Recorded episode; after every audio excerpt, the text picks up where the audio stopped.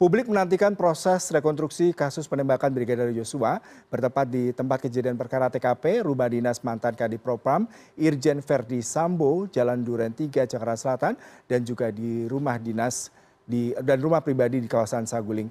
Proses rekonstruksi bertujuan untuk memperjelas konstruksi hukum kasus dugaan pembunuhan berencana terhadap brigadir yosua. Selain untuk mencocokkan keterangan para tersangka dan saksi baik peran masing masing maupun kegiatan bersama pada saat sebelum dan sesudah tragedi terjadi. Dan selanjutnya fakta kejadian dituangkan dalam berita acara pemeriksaan. Lalu seberapa penting rekonstruksi bagi proses pengungkapan kasus ini? Untuk membahas seputar agenda rekonstruksi kami akan membahasnya bersama prof hipnu nugroho shma selamat pagi prof terima kasih sudah Selamat pagi bergabung Mas Yuda. ya terima kasih sudah bergabung bersama kami langsung dari purwokerto ya pak Iya. ya Ini har- kuliah dikosongkan dulu ini. Terima kasih ya untuk waktunya. Nah kita bicara mengenai rekonstruksi nih Prof. Tadi sempat dikatakan oleh um, Kadif Humas terkait dengan ada 78 adegan yang akan dilakukan. Tetapi kami dari media juga sangat terkejut ya ternyata ada adegan juga di Magelang yang akan direka ulang atau memang akan Ya. coba diperagakan kembali. Anda melihat seperti apa dengan 78 adegan ini di rumah Saguling, rumah dinas, kemudian di Magelang terhadap konstruksi hukum terkait dengan nantinya sampai ke eh, selesai P21 dan dibawa ke kejaksaan. Iya. Iya, terima kasih Mas Yuda. Jadi rekonstruksi itu adalah bagian dari pemeriksaan. Pemeriksaan tersangka itu ada empat tahap. Hmm. Pertama interview. Interview sudah dilakukan. Kemudian interogasi. Interogasi sudah dilakukan oleh Baris Krim. Kemudian yang ketiga adalah konfrontasi. Konfrontasi antara tersangka satu dengan tersangka dua, antara kemudian saksi-saksi yang lain. Yang ketiga adalah re- rekonstruksi. Nah, makanya antara interogasi, antara interview, interogasi, konfrontasi, rekonstruksi itu adalah bagian dari penyidikan. Nah, rekonstruksi adalah juga bagian dari penyidikan yang terakhir guna menilai suatu kebenaran tentang saksi, tentang tersangka, tentang bukti-bukti yang lain untuk menggambarkan suatu peristiwa yang terjadi ketika itu, ketika itu. Makanya tadi sampaikan eh, cukup komprehensif saya kira ini dari 78 adegan itu ada 16 adegan di Magelang, kemudian 35 adegan di Saguling dan 20 ad- adegan di eh, Duren Tiga. Ini harus betul-betul menggambarkan karena apa? Dalam berita acara pemeriksaan itu harus penyidik sedang mungkin. Kami kemarin mendengar eh, pelimpahan berkas perkara kepada Kejaksaan Agung ada perbaikan sehingga dilimpahkan kan itu, dikembalikan untuk menilai sejauh mana keterangan saksi, sejauh mana keterangan tersangka itu betul-betul disampaikan dalam suatu yang kalian jernih. Makanya di sini tidak ada peragaan. Nanti kami harapkan juga Barada E, Pak FS harus ketemu. Karena apa? Dalam hukum pidana adalah mencari kebenaran material. Jadi tidak ada peragaan. Tidak ada peragaan. Dengan demikian bukti-bukti yang ditemukan itu merepresentasikan, bisa menjelaskan yang kemudian dituangkan dalam surat dakwaan yang tidak sedikit pun berpikir melompat, yang tidak sedikit pun ada celah. Karena kita ketahui bahwa perkara ini perkara menjadi atensi nasional. Jangan sampai celah di dalam persidangan nanti ada suatu celah untuk adakan suatu apa eksepsi. Hmm. Dengan demikian, dengan demikian, ini kan KUHP kita itu asas ada menganut asas diferensiasi fungsional, Mas. Hmm. Diferensiasi fungsional itu ada kewenangan baris krim, ada kewenangan penuntut umum. Lah, kewenangan baris krim itu adalah menilai kembali tadi, menilai kembali, menggambarkan kembali tentang keadaan yang peristiwa seperti ini. Sehingga bagus sekali sekarang bahwa dalam rekonstruksi ini adalah hadir juga jaksa Mhm. sebagai ruang komunikasi. Dalam ilmu hukum disebut pra penuntutan. Jadi walaupun ada asas diferensiasi fungsional, pemisahan kewenangan antara penyidikan dan penuntutan, tapi ada suatu integralisasi di dalam pengungkapan perkara sehingga nanti pada pelimpahan suatu perkara itu betul-betul yakin tidak ada celah kepada penasihat hukum untuk tanda petik misalkan kaitannya obskur. Nah, ini obskur. Repotnya kan kalau absurd. Nah, dengan demikian saya beri atensi sekali adegan-adegan yang diperlukan nanti adalah betul-betul bagus, Mhm. mempunyai nilai dan tidak ada beban. Nah, tidak ada beban. Karena apa, Mas? Dalam kasus rekonstruksi ini ada seorang tersangka juga sebagai saksi. Yep. Demikian juga ada sebagai saksi juga sebagai tersangka. E dengan FS, FS tersangka dengan saksi dan E. E juga tersangka dengan RR, RR juga tersangka sebagai saksi. Lah, ini suatu kebulatan, suatu pertemuan yang betul-betul ekstra hati-hati Ya. sehingga jangan sampai keterangan itu tidak sesuai dengan seperti yang kita harapkan. Hmm. Ya, Prof tadi yang menarik adalah tersangka dan juga menjadi saksi tidak ada saksi lain yang memang menjadi saksi se- tanpa dia ada embel-embel lain sebagai tersangka.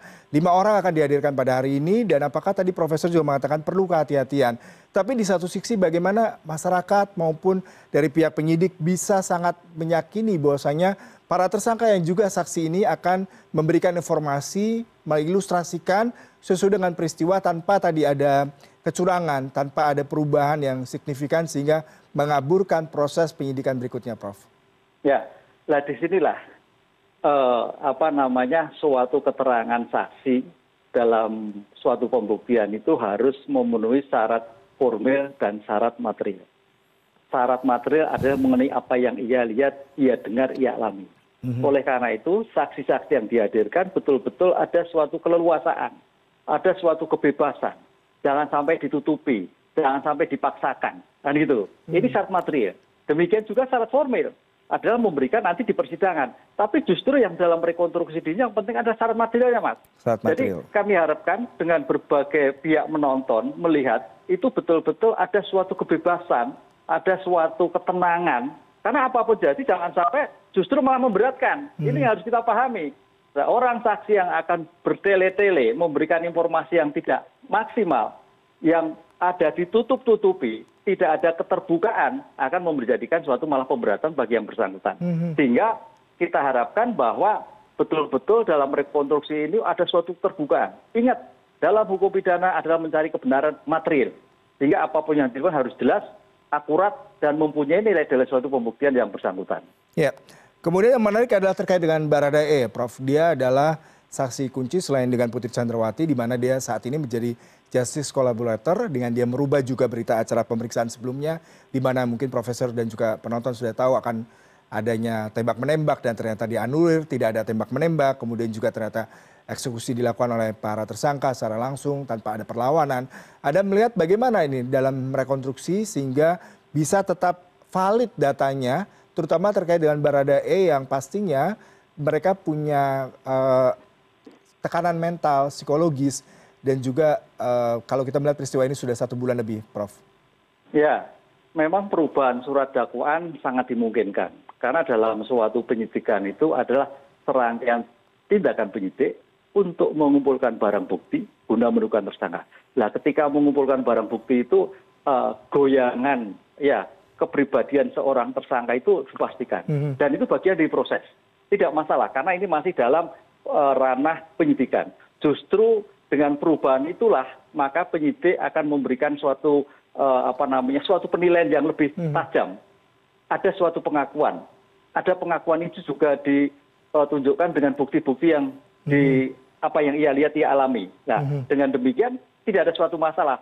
Perubahan itu terjadi itu kalau sudah sampai persidangan, nah ini jadi Ya. masalah. Betul. Jadi masalah. Ketika masih penyidikan nggak ada masalah, mas. Hmm. Itu bagian dari proses, ya. Karena ya namanya manusia kan goncangan kan bisa terjadi kan. Yang tadinya apalagi kemarin ada iming-iming dan sebagainya itu kan bagian faktor. Karena siapa pun yang menjadi tersangka akan berusaha selalu menghindar dari perbuatan yang disangkakan. Mhm. Yang menarik tadi Anda katakan terkait dengan em, jalannya persidangan ke depannya supaya meminimalkan adanya eksepsi dari para tersangka. Prof, kalau Ya. kita melihat bahwasanya rekonstruksi kali ini diharapkan memang sesuai dengan BAP yang sudah diberikan. Biasanya yang terjadi adalah apa mungkin nanti akan ada kekurangan, kemudian perubahan, dan hambatan apa nih Prof? Ketika jalannya rekonstruksi yang pastinya akan berpengaruh terhadap persidangan dan keputusan dalam persidangan nantinya. Ya, ya, makanya di sini kemarin kita sudah mendengar bahwa sudah ada pelimpahan perkara dari Baris Krim ke penuntut umum, ya ini Jaksa Agung. Kalau nggak salah Jaksa Agung sudah mempersiapkan 30 jaksa. Oke. Ini suatu yang luar biasa ini. Artinya eh, Kejaksaan Agung juga menyongsong perkara yang memberi atensi nasional itu betul-betul akurat, betul-betul bernilai, betul-betul seperti kehendak masyarakat. Sehingga jangan sampai karena namanya ilmu hukum itu eh, apa ya pandangannya itu komprehensif mas, Mhm. komprehensif. ketika penyidik penuntut umum itu berpandangan dari objektif mewakili negara mewakili negara ya karena jadi betul betul objektif tapi subjektif. Untuk kepentingan eh, kalau ter- tidak terbukti ya tidak dituduhkan kan itu loh. Objektif yang subjektif kan gitu kan. Lah maaf subjektif yang objektif subjektif dulu mewakili negara. Jadi jaksa polisi itu subjektif mewakili negara. Wah ini ada korban meninggal ini. Ada korban berjatuhan. Makanya negara hadir melakukan pemeriksaan penyidikan. Lah baru objektif. Kalau memang ada tidak ada dugaan pasal yang seperti yang ditemukan dalam rekonstruksi ya tidak dituduhkan. Nah sebaliknya lah ini penasihat hukum berpandangan dari objektif perkaranya dulu pelajari semua. Makanya kemarin pengacara dari barada e pengacara bu pc pengacara dari fs semua pelajari semua ya kan? Dan kemudian berpikir subjektif. Kan gitu mas? Subjektif untuk mencari celah terhadap berita acara terhadap surat dakwaan untuk kepentingan kliennya. Nah ini yang menarik. Makanya di sini eh, apa namanya keberadaan berita acara yang kemudian dilimpahkan pada penuntut umum harus betul betul komprehensif. Saya eh, memberikan apresiasi kejaksaan agung kemarin sudah membalikan kembali. Itu bagian dari proses. Cuman mudah-mudahan dengan pengembalian berperkas perkara dengan disertai petunjuk-petunjuk tadi sudah sedemikian rupa secepatnya dikembalikan. Karena peradilan kita akan menganut asas peradilan cepat sehingga jangan sampai persidangan itu bertele-tele karena ketidakmampuan negara dalam ini baris krim penuntut untuk memformulasikan di dalam surat dakwaan yang dilimpahkan di dalam persidangan. Baik. Itu mas yuda. Baik, Prof terakhir ini, kalau kita lihat tersangka dengan tuntutan pasal 340 hanya ada dua yaitu PC kemudian Ya. juga FS.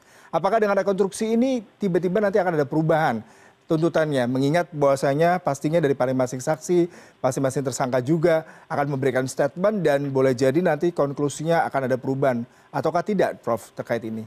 Ya, kelihatannya tiga. Karena eh, ada suatu TKP dari Saguling kepada Duren Sawit itu adalah bagian dari jeda. Jeda di mana ada waktu untuk berpikir. Berpikir untuk melakukan gendak atau tidak. Itu yang rencana. Terkait pembunuhan, jelas sudah ada korban, almarhum Joshua. Jadi itu suatu pembunuhan biasa, sebetulnya 38, tapi untuk PT dan FS, karena sudah ada perencanaan, berarti perencanaan melakukan suatu pembunuhan. Insya Allah eh, apa yang dilakukan Baris Krim on the track dengan dakwaan dan eh, barang bukti yang ditemukan di dalam TKP yang bersangkutan. Baik, Profesor terima kasih untuk waktunya perbincangan kali ini sangat memberikan pemahaman terkait kasus hukum pidana di Indonesia dan kita juga bisa mengetahui bagaimana nanti ke depannya diharapkan bisa berjalan dengan cepat dan juga bisa mengungkap kasus ini dengan clear dan proses penegakan hukum bisa berjalan dengan baik. Selamat pagi Prof, terima kasih untuk waktunya. Terima kasih, selamat pagi Mas, matur nuwun. Ya, kemudian kita kembali ke rumah pribadi Verdi Sambo.